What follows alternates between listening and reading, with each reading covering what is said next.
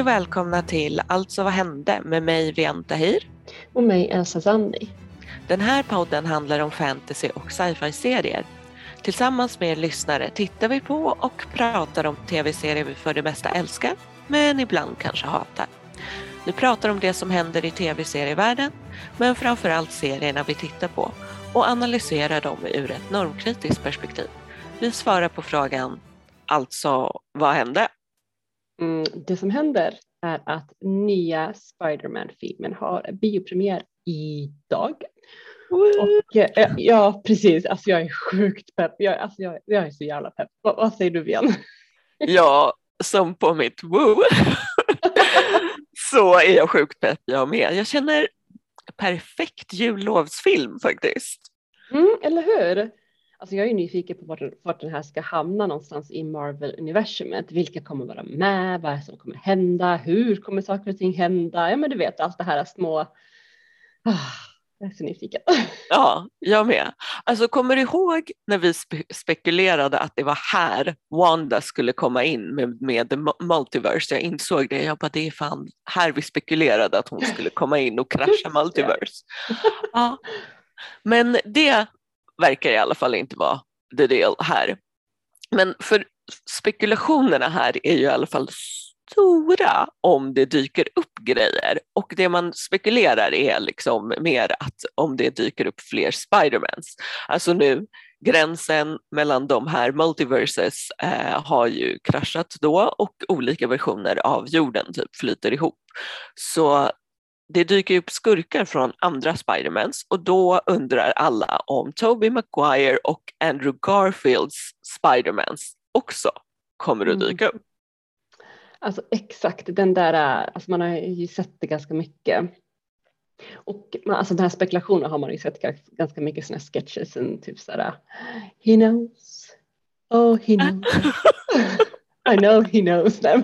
typ att han kan inte hålla käften. Men alltså det, det, här, de här stora spekulationerna, jag älskar ju när folk analyserar och spekulerar för det är därför man vill, de, så jag, det gör ju att jag i alla fall vill se den ännu mer. Jag kan, alltså, och jag vågar ju knappt. Jag har sett några stycken, men jag vågar inte se trailers. Jag har inte sett trailers för att jag inte vill bli spoilad eller få mera så här. Nej, nej, nej. Jag tycker inte det. För en sak som Marvel verkligen gör bra är just det här shock factor, att de blandar in olika saker från olika världar och deras, de, de har ju verkligen ett universum. Uh, alltså jag älskar deras referenser, de här skämtena och jag, jag, är bara så pepp. Jag, är bara, jag vet inte vad jag ska säga, jag är bara pepp för att jag är så nyfiken på hur det här ska play out liksom. Ja, alltså men jag är ju fan förvånad över att Tom Holland ens går fri nu och är med i intervjuer. Men han och Mark Ruffalo, alltså de är fan überspoilare sådana spoilare. Du vet den här TikTokaren som du och jag älskar. Hon har ju en massa sketcher om hur de blir inlåsta i källare under inför premiärer. Så vi borde dela någon av dem faktiskt. Ja, alltså jag vet. Nej, jag måste, du måste dela. Jag måste också titta på dem lite grann. Alltså jag vet, jag, alltså jag vägrar. Personligen vägrar jag kolla på någon intervju där både typ Tom eller Mark är med. Jag vägrar, för jag är en sån som hatar spoilers. Jag kan typ se bekantskap och sånt när någon spoilar mig. Alltså jag, på riktigt alltså. Det är därför jag inte ens kollat på trailern. Men alltså det är verkligen risky business. Eh, trail, trailers också, men fan riktigt risky business med att kolla på intervjuer med dem. Men jag har i alla fall sett tra trailers och så, så jag vet ju lite grejer. Eller så vet jag ingenting, man vet ju aldrig med trailers. Men om hur de kommer ta plats i eh, Marvel Cinematic Universe och så, så kan jag utan att spoila någonting i alla fall säga att det är tre filmer till plade med eh, Tom Holland. Och jag älskar det. Jag älskar det. Men du och jag ska i alla fall försöka se den. Har varit, alltså det hade varit nice att se den på bio.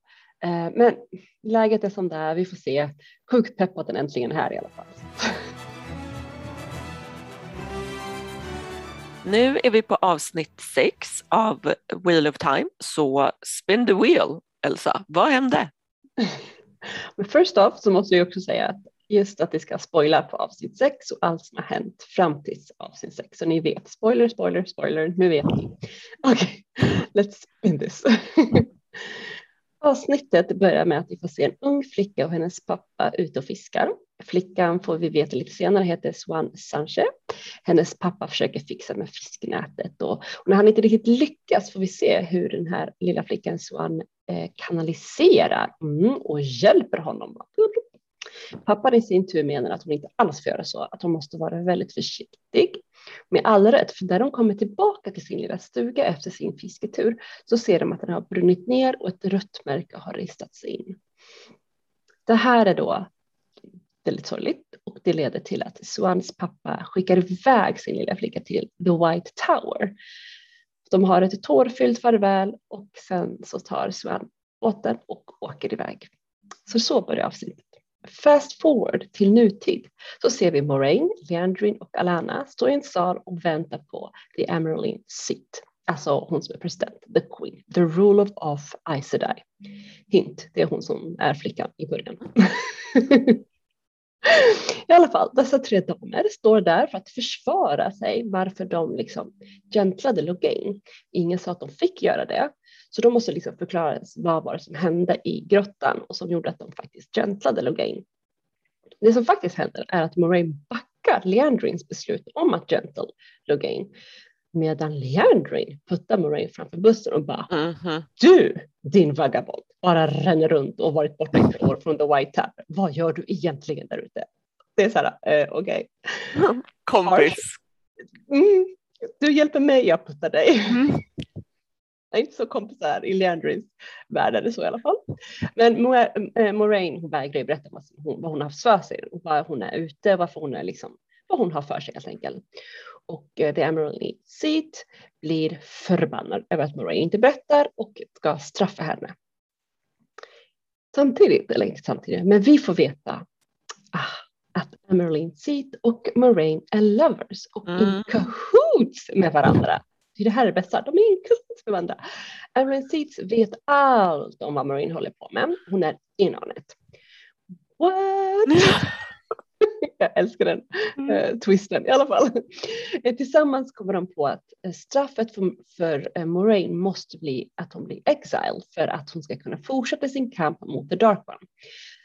Det här trots att både Moraine och Emerine Seeds vet att det innebär att deras relation kommer att lida. De kommer typ inte ses, vilket är en väldigt sorglig scen när Moraine blir bannlyst och alla systrar vänder ryggen till. Alltså ouch. Vi visste, mm. but still ouch. Det var en mäktig scen där. Perrin och Egwene har kommit fram, thank lords. Mm. och Perrin har blivit helad från sina skador från tortyren. Egwene berättar allt det här för Moraine, alltså hon berättar om White Walkers, om vargarna, om Perrins ögon, om tortyren och så självklart har hon ju med sig ringarna, eh, vilket är Moraine väldigt tacksam över såklart. Och äntligen Dian får Matt hjälp och det är Moraine. Eller hur? Moraine, det är såklart Moraine som räddar Matt genom att ta det mörka i honom och bara suga ut det med hjälp av the one power och lägga tillbaka det i dolken. Och nästan direkt ser vi hur Matt liksom får färgen tillbaka, ögonen ser levande ut, han ser ut som en frisk pojke helt enkelt. A healthy baby boy. Rand tackar henne och Murray förklarar att Matt måste, alltså nej, måste, måste hålla sig borta från den här dolken. Tar han tag i den igen, då är det kört. Då kommer hon inte kunna hjälpa honom igen. Det... Och hon säger också, du tog den här med dig, ja. Stupid child. Jag älskar det. Hon bara, ditt jävla pucko, thank you. Skitunge liksom. Ja, thank you for saying that.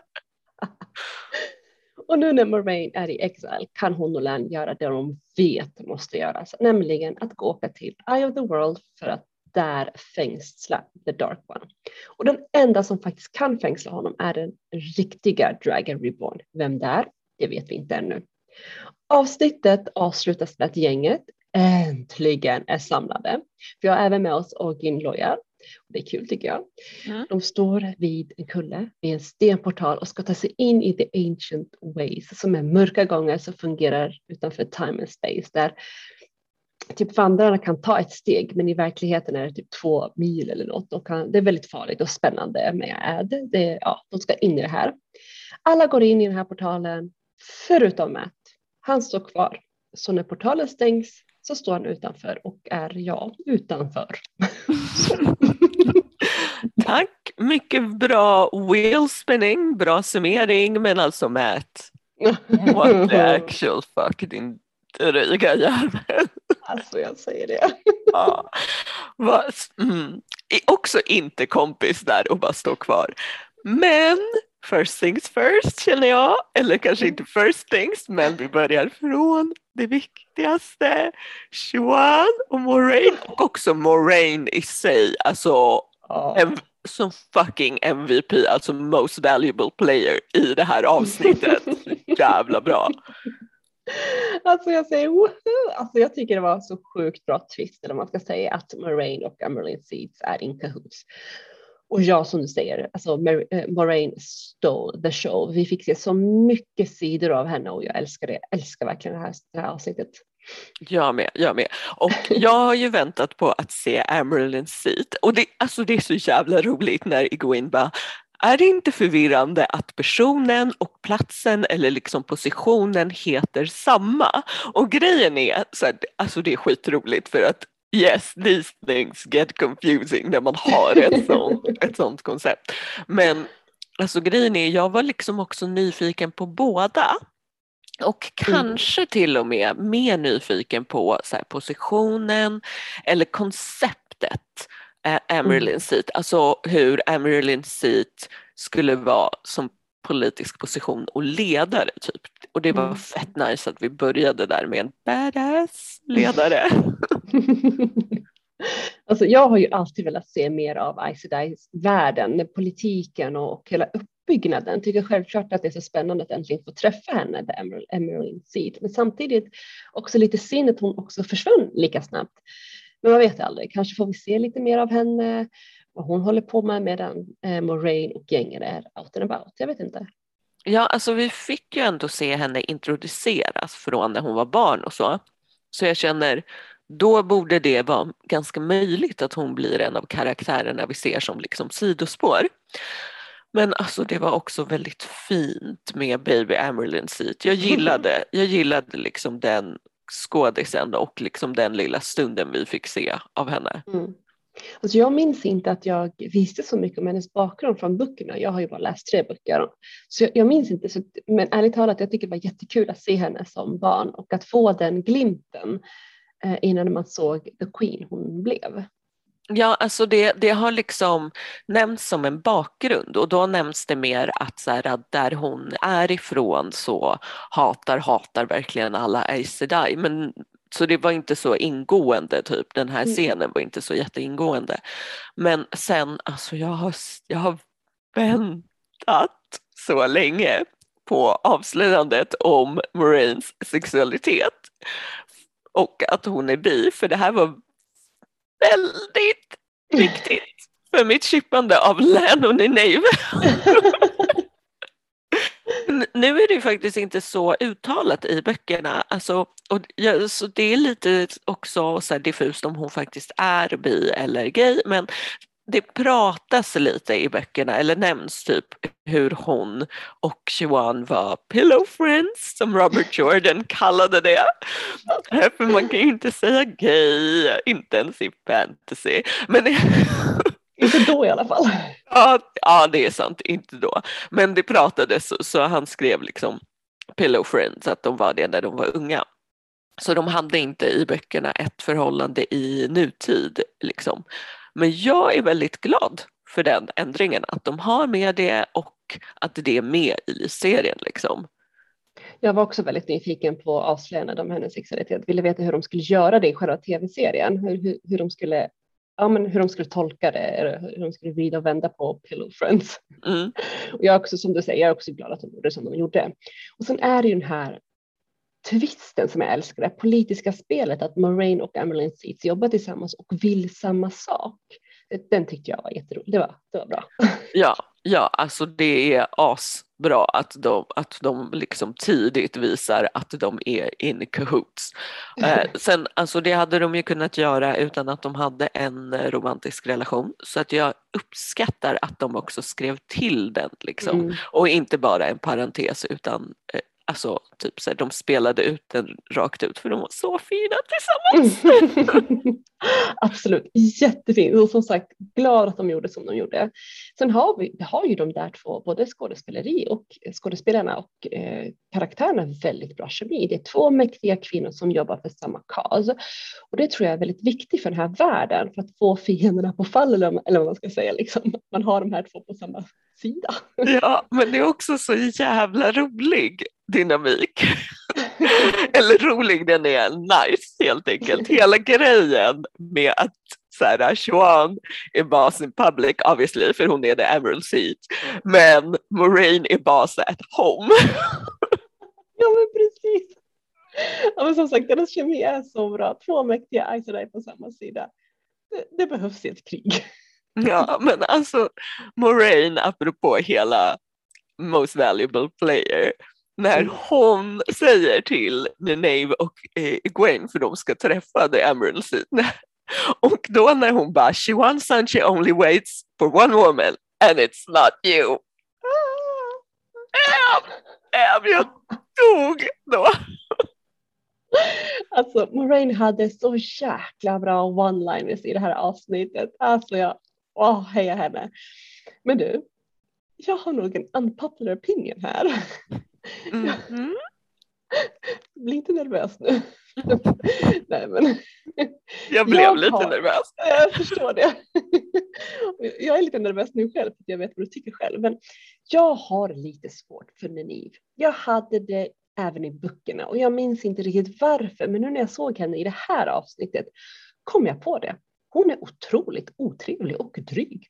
Och hennes hundsmamma-beteende stör mig sjukt mycket Vian. Alltså vet du faktiskt, den är nog inte unpopular. Jag, jag tror att det är en grej, jag har ju sett lite kommentarer i liksom, on the internet och den verkar inte vara så unpopular. Och grejen är, till och med jag lackade på Neve i det här avsnittet faktiskt. Alltså hon är skitstörig i början. Jag har liksom bara tänkt på så här, Future Neve som för att jag har läst alla böcker liksom, och hur hon utvecklas under böckernas gång och att jag tycker hon blir fett nice sen. Men hon är ju inte där nu inser jag. jag bara, det här är ju Ninei från början då jag också tyckte att hon var skitstörig för att mm. nu så är hon bara en otrevlig skitunge som tror att hon vet bättre än vad hon gör, but she doesn't. Exakt så du sa, spot on. Alltså jag menar, hon är gäst hemma hos Aes och man beter sig inte så som hon gör. Speciellt inte när hon blir inbjuden till självaste Emerald Seeds, alltså hem till henne, quarters, whatever. Mm -hmm. Hennes Oh, alltså hon är jätteotrevlig där också. Och, och sen kommer det ju i samma scen eh, kommer det verkligen något som stör, som jag stör mig på och det är när hon, hon är där, Emerald Seat försöker prata med henne och Egwene, säger att någonting, typ om att jobba ihop, bla bla bla, ja, men hon säger någonting. Så säger Neneve att we don't want any part of it och tar tag i Egwene och ska försöka ta med henne. Nej, Vianney, först prata inte åt en vuxen kvinna. Och sen Egwene var faktiskt trevlig, bugade sig fint. Hon visste hur man beter, beter sig när mhm. man är gäst hos någon. Men när ni försökte störa även det tyckte jag. Jag vet inte, det här med att ta tag i Egwene och bara vi gör ingenting, så låt henne få tala. Jag tyckte det var, det var jobbigt att se henne i det här avsnittet helt enkelt. Jag tyckte att hon var dryg i början. Men det var lite mer förståeligt i första avsnitten. Mm. Men nu när, när man är gäst, man är gäst hos någon. Jag tror bara att jag tycker att hon har tagit sin mistrust mot Aisa lite för långt om du, tror, om du förstår vad jag menar. Nu är ja. det lite för långt. Ja. Liksom. Alltså för att nu är det inte mistrust, nu är det bara att hon är fucking otrevlig. Och ja. som du säger när hon höll på, alltså så här, Egwene bugar och mm. är artig liksom och hon bara, alltså typ så här, hon tittar lite på Egwene och bara vad håller du på med? Men det jag gillade här, eller överlag, vi har, alltså Egwene är fan bra på att bara, eh, nej I'm gonna do my own thing. Alltså både när hon mot Rand bara okej, okay, eh, jag funderar på att bli wisdom och han blev skitsur och hon bara but still I'm thinking on it. Typ, viker sig inte mot, eh, för honom och hans vilja och nu mot Nineve också att hon bara jag tänker buga och jag tänker stanna kvar här, okej? Okay? Vi ser ju inte så mycket av henne än känner jag, men det är fan ett bra karaktärsdrag. Mm. Men du har rätt, det är faktiskt sant. Hon, hon står på sig liksom. Men alltså, ärligt talat, apropå så här, att vi inte fick se så mycket av Gwen, jag tycker inte vi fick se så mycket av gänget alls förutom Moraine. Thanks heaven eh, för henne som räddade Matt från det mörka. ja, alltså jag trodde ju att Nineve skulle karaktärsutvecklas lite snabbare och actually skärpa sig och gå och hämta åtminstone Lan. Alltså för att Lan, you, you trust him, vi vet det liksom. Men hon har obviously inte vuxit till sig här än karaktärsmässigt. Men Solan och Moraine som tack gud har koll och haft span på alla de här. Jag älskar att de bara, vi visste var alla ni var. We already knew. Så att så här, eftersom de hade span på dem så, så här, igen så kom Moraine dit, fixade situationen och sen alltså den här badass one-liner äh, grejen eller bara, kanske inte one-liner men fortfarande att hon bara you call yourself wisdom då borde du you, you better get wise then child för du alltså så här, att du hade kunnat vara hans död och det är så jävla bra eh, alltså hon satte inte hon satte henne på plats på bra sätt as she should be satt på plats här. Mm, exakt, exakt. Och det är ju så typiskt.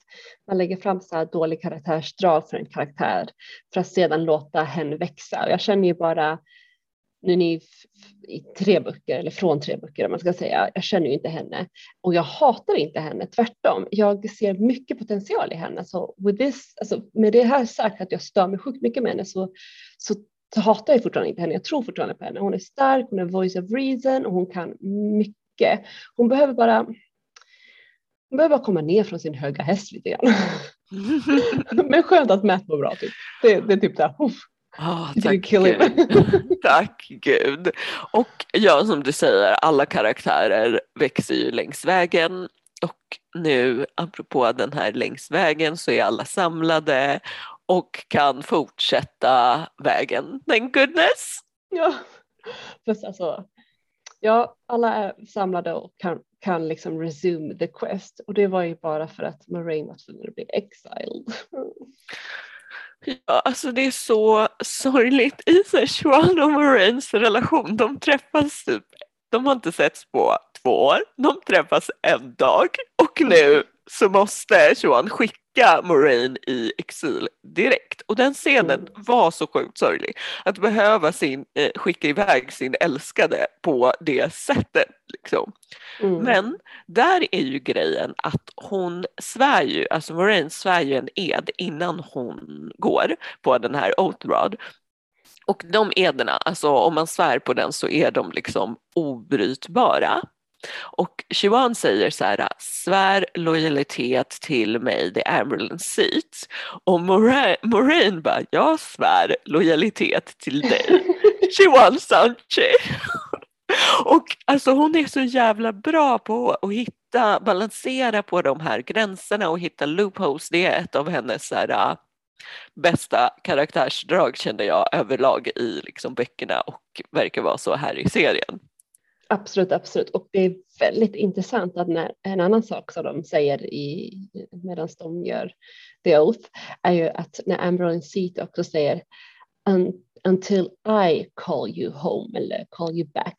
Det tror jag också är en viktig del i hela den här oathen för det innebär att bara eh, Xuan Sanche kan kalla tillbaka henne. Alltså hon kan göra, hon har inte svurit ed till självaste Isa Dive. Mm. Det innebär ju som sagt att Xuan inte behöver vänta till en officiell handling utan kan kalla hem Moraine även i typ så här, jag vet inte, privata ärenden. Mm. alltså privat ärende, really? Really? Alltså jag tänkte mer att hon skulle kallas tillbaka för Kahoots och scheming av Shiwan. Jag känner, har de tid för Lululu? I don't know. Vänta, vänta, vänta ett tag, Vian. Vad, alltså, vad hände? Du menar att hon inte kommer att använda den här osten till calls? Kom igen! Vem hade inte gjort det? Alltså jag är all for att de skulle göra det. Men det känns som att så här, de är så himla seriösa med sin mission. Så jag är, alltså, jag är lite tveksam till att Siobhan skulle kalla tillbaka Moraine på en romantisk dejt. But she should! Det har du helt rätt i. She should! De borde, de borde. Men nu kanske det blir svårt för dem att göra det för alla ska ju tydligen gå igenom det här ancient ways, the ways liksom. Ja, förutom Matt. Förutom Matt, for fuck's sake Matt. Alltså du krånglar till det hela tiden för oss. Alla barnen vill rädda världen förutom Matt som är en rat. men, alltså, men allvarligt talat, jag förstår ju honom också. Han har redan fått smaka, alltså bokstavligt talat fått smaka på the darkness. Ja. Jag tänker, låt honom åka tillbaka fan, eller bara få vara i fred ett tag. I get you Matt, I get you. Ja, alltså it really hasn't been a good month för Matt. så jag, jag förstår. Om, alltså, så här, om man har smakat på darkness och någon bara nu ska ni träffa the dark one, the darkest evil of all things, the dark one. Så kanske man bara, alltså nej jag pallar inte. Pass på den. Pass på den. Good luck guys. Men du, är det inte lite skumt? Nu ska de bara pam, direkt in, in till the evil layer och bara slåss. Känns det inte som att det inte kommer gå som de vill? Är det inte lite för snabbt? Ja, ja, det är skumt och vi vet, det kommer ju en säsong till. Så jag tror inte att det kommer gå bra som du säger, för jag tror inte serien kommer omvandlas till så här double dates med Siobhan, Moraine, Lan och Nineve. Det hade varit nice och cute, men det kommer nog inte hända så den där utflykten kommer inte sluta väl. Det var en skitdålig idé. Vi är så pessimistiska. Men alltså okej, okay, jag, alltså hur mycket jag än chippar båda dessa chips så vill jag absolut inte se någon romantiska scener. Eh, så jag, jag, jag du vill inte se ett all out, för det var ju du som sa att, att det borde bli booty calls. Booty calls är en annan sak, men jag vill inte se så här romantiska Eh, en romcom. Ja, nej, exakt. Tack. Jag vill se fortfarande fantasy. Det får gärna finnas lite booty calls i fantasy, men ingen romcom. Kom igen. men anyhow, det här kommer bli en tuff resa och vi vet fortfarande inte vem som, av de här som är the Dragon Reborn. Liksom. Ja, alltså du och jag som har läst, vi vet ju egentligen, egentligen, men damn vad den här serien har varit bra på att hinta om en massa olika karaktärer. Good job, good job. Mm, verkligen. Ja, men eh, ja, nåväl, in the ways we go. Nu är det dags för din hemläxa. Frågan är, har du kommit till stage 3? Jag har ramlat ner i kaninhålet, jag kan inte tänka på något annat i mitt liv. Av The Untamed. Men typ faktiskt, typ, typ. För jag har kollat på två avsnitt och jag ville verkligen börja på tredje avsnittet men uh, life got in the way. Oh my god, it's happening. Ja, men det är bara för att nu börjar de, nu är de on the quest. För att vet man, man fick ju, när de var i isgrottan där så fick de ju veta mer om gin, eh, iron och sen så får de inte berätta det här för någon, de där två. Eh, och så ska de säga, nu måste ni hitta eh, ni måste hitta liksom de andra bitarna hit och dit. Och, eh, ah, och så, ah, jag fattar inte varför, eller jo jag fattar, men Lang Wangji bara, ja jag kan göra det själv. Så han sticker utan att säga mm. någonting till Wei Weijin. Och eh, det, det, he's not having it, så han följer efter. alltså Wei Weijin lackar och bara, ja. We promised to do this together. Precis, precis. Men han var tvungen att åka hem och du vet hemlighets, alltså de ska försöka hemlighetshålla det här. Så nu är de där två på väg och ska försöka hitta. Så nu känns det som att de är on a quest och det tycker mm. jag är mm. kul. Vad ska hända på vägen? Vilka liksom, hur ska de utvecklas och kommer de komma närmare varandra? Ja, men du vet. Uh, och så, ja, så händer det massa, det händer en hel del grejer olika håll också. Uh, jag tänkte på det, jag tänkte jag skulle fråga dig, för i det här avsnittet, eh, för jag hann kolla på 7 och 8, mm. nu minns jag inte exakt för de går ihop varandra för att jag kollar på raken, men de fightas ju med en fairy goddess som tar själar. Mm. Och då tänkte jag, men det här såg jag ju från, från liksom nutid, för nu jag är fortfarande i liksom tiden innan han dör. Mm. Så jag bara, den här fairy goddesen, vem fan var det? Mm. Och zombies och grejer och det är ganska Mm. häftigt. Ja, men alltså den här Fairy Goddess, eh, Ja. han säger eh, Wei Wuxian, eh, för Mm. det, Fairy Goddess hände ju s- 16 år efter, alltså när han har, han har blivit återuppväckt 16 år senare och då träffar Mm. han på den här Fairy Goddess och måste stoppa henne. Exakt. Mm. Och sen så ser du ju henne igen på tillbakablicken och där säger han 16 år senare, han bara I thought we sealed her.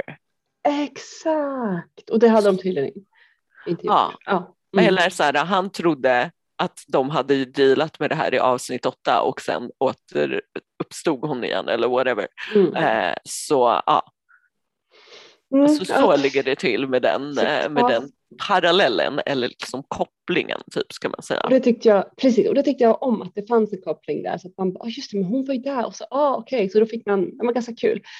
Eh, så, alltså det hände en sak så att jag tänkte på en sak, för att deras syster, ehm, alltså Janlin, hon är ju trolovad till en kille som inte vill gifta sig med henne, visade sig. Vilken asshole han är. Alltså. Ja, verkligen. Ah, jag tycker inte om honom. Bara för att han är en asshole. Ja, Men han han är vill, svinig mot henne. Ja, det är jättes... Hon är ju, verkar vara kär i honom. Hon blir jätteledsen. Då säger hennes pappa en sak. För då blir det ju det blir en scen där Wei Weijin typ skyddar sin systers heder. Hon pickar fight, han pickar fight och det blir så här, hon bara, ah, så blir det lite kris. Och båda deras föräldrar kommer då. Men då säger alltså Jan Linds eh, pappa, alltså vi kan inte tvinga de här ungdomarna att gifta sig. Det är inte schysst, så jag tycker vi ska call it off. Och, eh, och det, är så här, det var en sån fin gest, liksom, att han vet att hans dotter är kär i den här idioten. Men det är nästan som att hon skyddar, men det är så, det är så fint sätt att skydda henne på. Mm. Att du är inte värd min dotter, men för att liksom inte, ja men det är diplomatin när den är som bäst så. Jag tycker det var så himla bra bara, bara så fint Ja, hon skyddade sin, ja, sin alltså, dotter. jag- Liksom. Jag älskade det. Det är inte, alltså du vet alla tv-serier som har ett arranged marriage Ja, det brukar liksom inte riktigt sluta så. Det brukar ju sluta med så här, de blir arranged married, kommer på typ längs vägen att så här, okej, men vi älskar väl varandra ändå. Men, så jag trodde det skulle bli så med de här två. Så jag Mm. älskade också som du säger pappan som bara, you know what, nej, min dotter ska inte hålla på att gifta sig med den här dryga jäveln. Alltså jag hatade honom också. Ja, jag tycker inte om honom. Men min favoritchip efter Wei Weijin och Lang Wangjis chip så är jag är ju jätteförtjust i eh, Lady Wen och Jiang Sheng, alltså Wei Weijins brorsa. Alltså jag Mm. älskar deras. Det finns en scen, det är min bästa scen forever. Alltså det var så fin. De sitter, där, han, han, alla såklart är oroliga för att Wei Weijin har rymt och bara ska gå med Lang Wangji och hitta, alltså alla så här, han, bara- han bara, "Okej, jag måste hitta min brorsa liksom. Och de är ju i fara de här två grabbarna för att alla vill ju att de är i fara obviously. Det är lite så här, ja. Så De är i fara jag- hela de, tiden. de, de, de är i fara hela tiden. Jag bara, ah, vem, om det inte är den ena så är det den andra. Det är någon som är ute efter dem i alla fall. Men Zhang, Zhang liksom går och letar efter sin bror. Han hamnar på någon slags värdshus och där sitter Lady Wen, hon the evil one med svart och röd, röda kläder. och hon pickar fight med honom.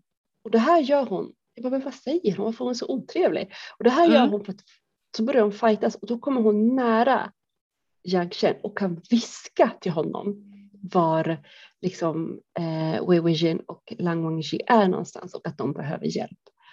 Och jag bara, "Åh, åh, det var så Mm. fint. Jag, jag kan bara pussas already. Jag tycker om dem. Jag älskar den, jag chippar dem så jävla mycket. Jag tycker om båda liksom. Dels för att jag tycker Yang Sheng är så jäkla snygg och sen så tycker jag att Lady Wen hon har så mycket dignity. Jag vet inte, jag tycker om henne också, trots att hon är on the bad guys. Jag tycker att hon har heder och så mycket så här. Ja, hon är inte rå. Hon är inte Mm. evil rå liksom Mm. så. Mm. Ja, men det var en jättebra. Det var ju bra. Det händer ju massa grejer. De är på. De är on, de, jag är fortfarande i liksom så här, eh, i dåtid. De ska iväg. Eh, det är miljö. Miljöerna är fantastiska. Musiken som jag sa förra gången är fortfarande spot on. Karaktär, jag väntar lite mer på karaktärsutveckling. Lite mer. Jag vill se ett. Jag vill se Lang Wangji le lite grann. Att han lite grann. Jag vill se att Wei Weijin liksom blir lite, alltså han är ju klok, han är ju smart, men han, he come across väldigt mycket som busunge, att han ska mogna. Ja. Alltså jag väntar ju på de här karaktärsutdragen och det är ju 50 jävla avsnitt. Jag är bara på åtta så det är typ så här, jag bara simmar och simmar, det bara, ja, bara fylls på med vatten. Men det är bra. Så finns det en annan scen som jag bara vill prata om och det är de här kaninerna.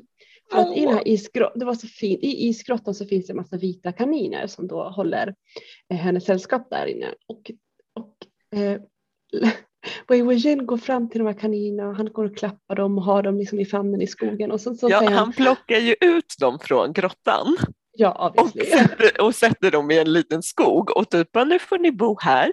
Kanske kommer Lan Wangji bli glad om han ser er för det är fortfarande utanför Cloud Recess liksom, som han har. Så, att, så, att, eh, ja, så han har droppat off dem liksom där. Precis, och det gör han ju för att Wangqing ska känna sig ensam och det är också Ja. en fin tanke. Ja men det var bra, det, så det, det börjar ju bli en story av det här som Ja, jag hänger med och som du- jag förstår. Ja, men du tänkte på kaninerna, alltså när de håller på, när eh, Wei Wuxian och eh, hans syster och eh, Jing, ja. Jing Chen, ja, när de tittar ut. Typ. Wei Wuxian sitter och är sjukt cute. Och bara, oh guys, hälsa på Lan Wangji, typ bla bla bla bla bla. Det är, vä- det är en väldigt gullig scen och så hans brorsa då eh, är ju liksom såhär, va? Du kan ju inte hålla i kaniner, det, det, det, är inte manligt. Och Wei Weijin bara kastar en, en kanin i Shengs famn och han bara tar emot honom men han släpper inte ner honom. Han är fortfarande kvar i famnen och klappar, det tyckte jag så fint. Jag tyckte det var Ja, kul att ja. han liksom bröt mot det liksom så här manliga Ja. tankesättet. Men Jiang Chen är ju en sån här, äh, alltså både Lan Wangji och Jiang Chen är ju sådana klassiska karaktärer i typ, det måste finnas en sån karaktär minst i Wuxia-serier och oftast så Mm. är det så här att två stycken eh, i typ ett par eller en setup och Mm. en utav dem är så cold eh, och den andra är super cute och så här, jag får den personen att mjukna typ. Eh, och Jiang Chen är verkligen en sån så här, super cold. Men innerst inne, man Ja. vet, man vet att han är en saftig som älskar att klappa på kaniner. ja men som sagt, jag, nu, nu väntar jag lite mer på um, karaktärsutvecklingen. Nu, nu ser jag fram emot dem. Liksom. Men du hade ju också en väldigt fin scen när det typ regnar blomblad ner på Lan Wangji. Ja. De hamnar ju liksom i en torg där och så i det här torget så började ja men det börjar snöa blomblad typ. ja men det börjar längre ner. Och då är det sånt där stämningsfull musik och all, så här slow motion, väldigt romantiskt. Och så, så har de ju med sig någon kompis eller någonting och så säger den här kompisen Ja, den där Lang Wangji, han är ju otroligt ståtlig och handsome och jag vet inte vad. Så, så tittar Wei Weijin på honom och så ser han, så ser han Lang Wangji i profil, så tittar upp och så är det slow motion med. Det är så fint, för han bara, ja, det har du rätt i. Man bara vet att han är kär i honom, jag bara, hur kan man tolka det här på ett helt annat sätt? Det här är ju kärlek på, jag bara, ja, han är handsome. Ja, alltså, det ska sägas att här, vi vet, men Wei Wuxian är inte säker på att han vet här att han är, är det själv. Ja. Men- Men det är också en så klassisk scen, det ska liksom at some point regna blomblad. Någonstans. Jag, älskar, jag älskar att du har kommit till de här klassiskt vackra romantiska scenerna faktiskt. Och sen tänkte jag på en sak med musiken och det är att det finns ju temalåten. Ehm, och den eh, borde du lyssna på med undertext. Okej, Mm. spännande. Och den sjungs av eh, de här två skådespelarna, Lan Wangji och eh, Wei Wuxian. Eh, alltså Yang Weibo och eh, vad heter han nu? Nu kommer jag inte ihåg, det var pinsamt. Eh, men av de två karaktärerna, eller de två skådespelarna. Så du ska få en länk med text. Ja, För det är också, det är en, också en Wuxia-grej att temalåtarna är verkligen temalåtar. Typ. Mm, jag förstår, ja, men det har jag förstått, det har jag verkligen märkt. Men som sagt, jag har ju på Spotify har jag ju deras soundtrack. Jag, jag, alltså, jag rekommenderar folk att lyssna på det. Så bra. Okej. Från det gulliga med blomblad och slow motion och kärleksblickar till blod, blod, inälvor och ond bråd död. Give it to me. Hur mår du? Ja, Har du löst the million dollar question? alltså, eh, ja, jag är på avsnitt, eller jag har sett avsnitt eh, åtta av American Horror Story Coven då. Mm. Jag har inte, jag är inte säker på att jag har läst den. Men nu har jag sett några avsnitt och jag bara okej, men vi- jag ska liksom ge the lowdown om var vi är och då tror jag att jag kom på det faktiskt. För så här är det, det är lite olika. För väldigt viktigt är att Madison är tillbaka. Madison Mon- Montgomery har blivit återuppväckt eh, precis som han, eh, vad heter han, Kyle kanske. Mm. Eh, han blev ju återuppväckt i början så nu har de återuppväckt Madison, thank God.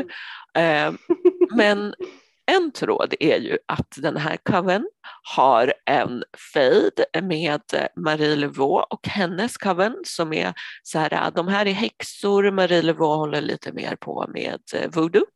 Så de har en fejd eh, och eh, där är det ju Cordelia som är rektor liksom. Eh, hon försöker ändå hålla någon slags lugn medan hennes mamma, fucking Fiona, hon går typ och så här skickar huvuden till Marie-Lebois, Alltså kom igen. Hon är mer old school. Hon är mer old Här. Ja, precis. Så där är det liksom en fejd.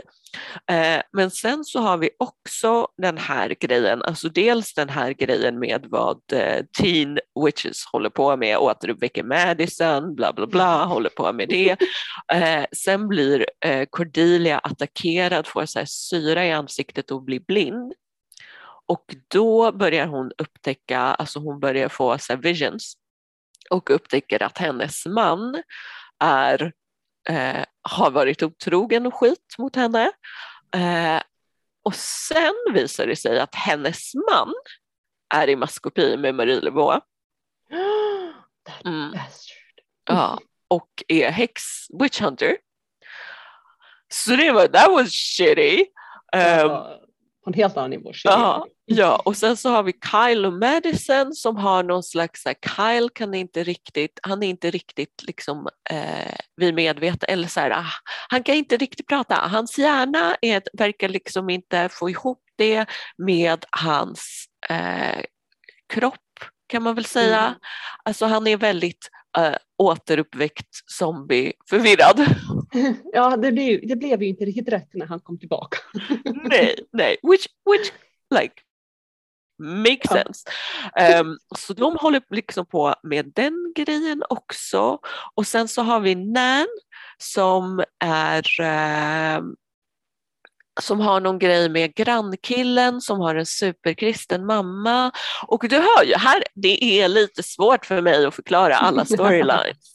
För vi har också, just det, vi har också Queenie som håller på med, eh, alltså Queenie och den här jävla superrasisten, vad fan heter hon?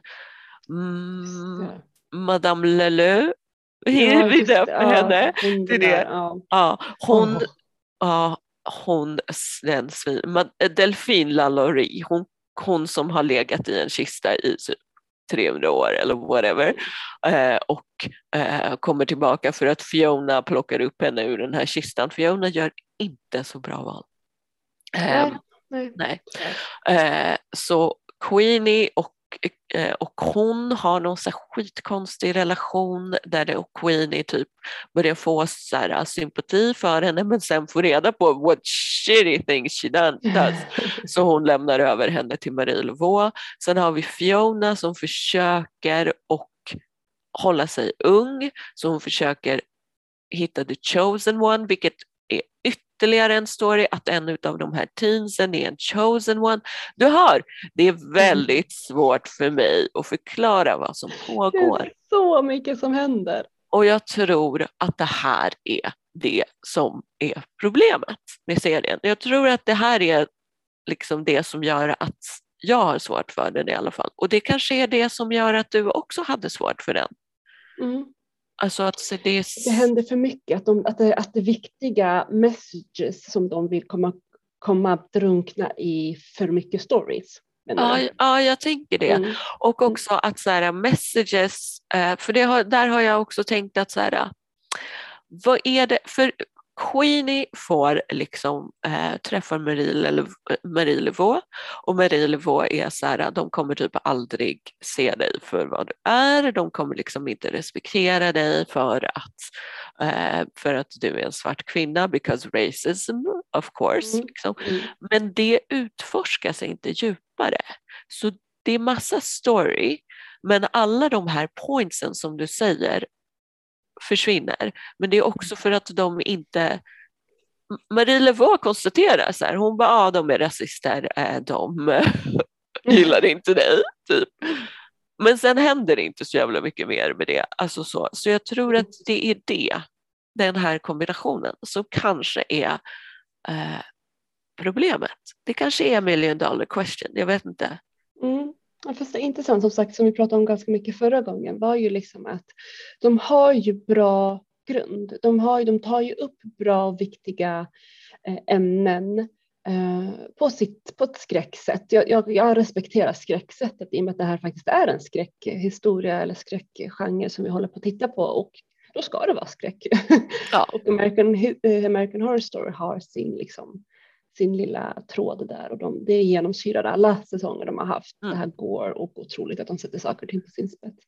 Men jag tycker så synd att det drunknar för nu när du säger det, ja just det, det händer så mycket och det är nog det som gjorde mig också förvirrad för att jag ser på något sätt ser jag ju genialiteten i det, att de skulle kunna, för de har ju inte bara classic witchcraft, de har tagit in voodoo i som också är väldigt eh, västafrikanskt.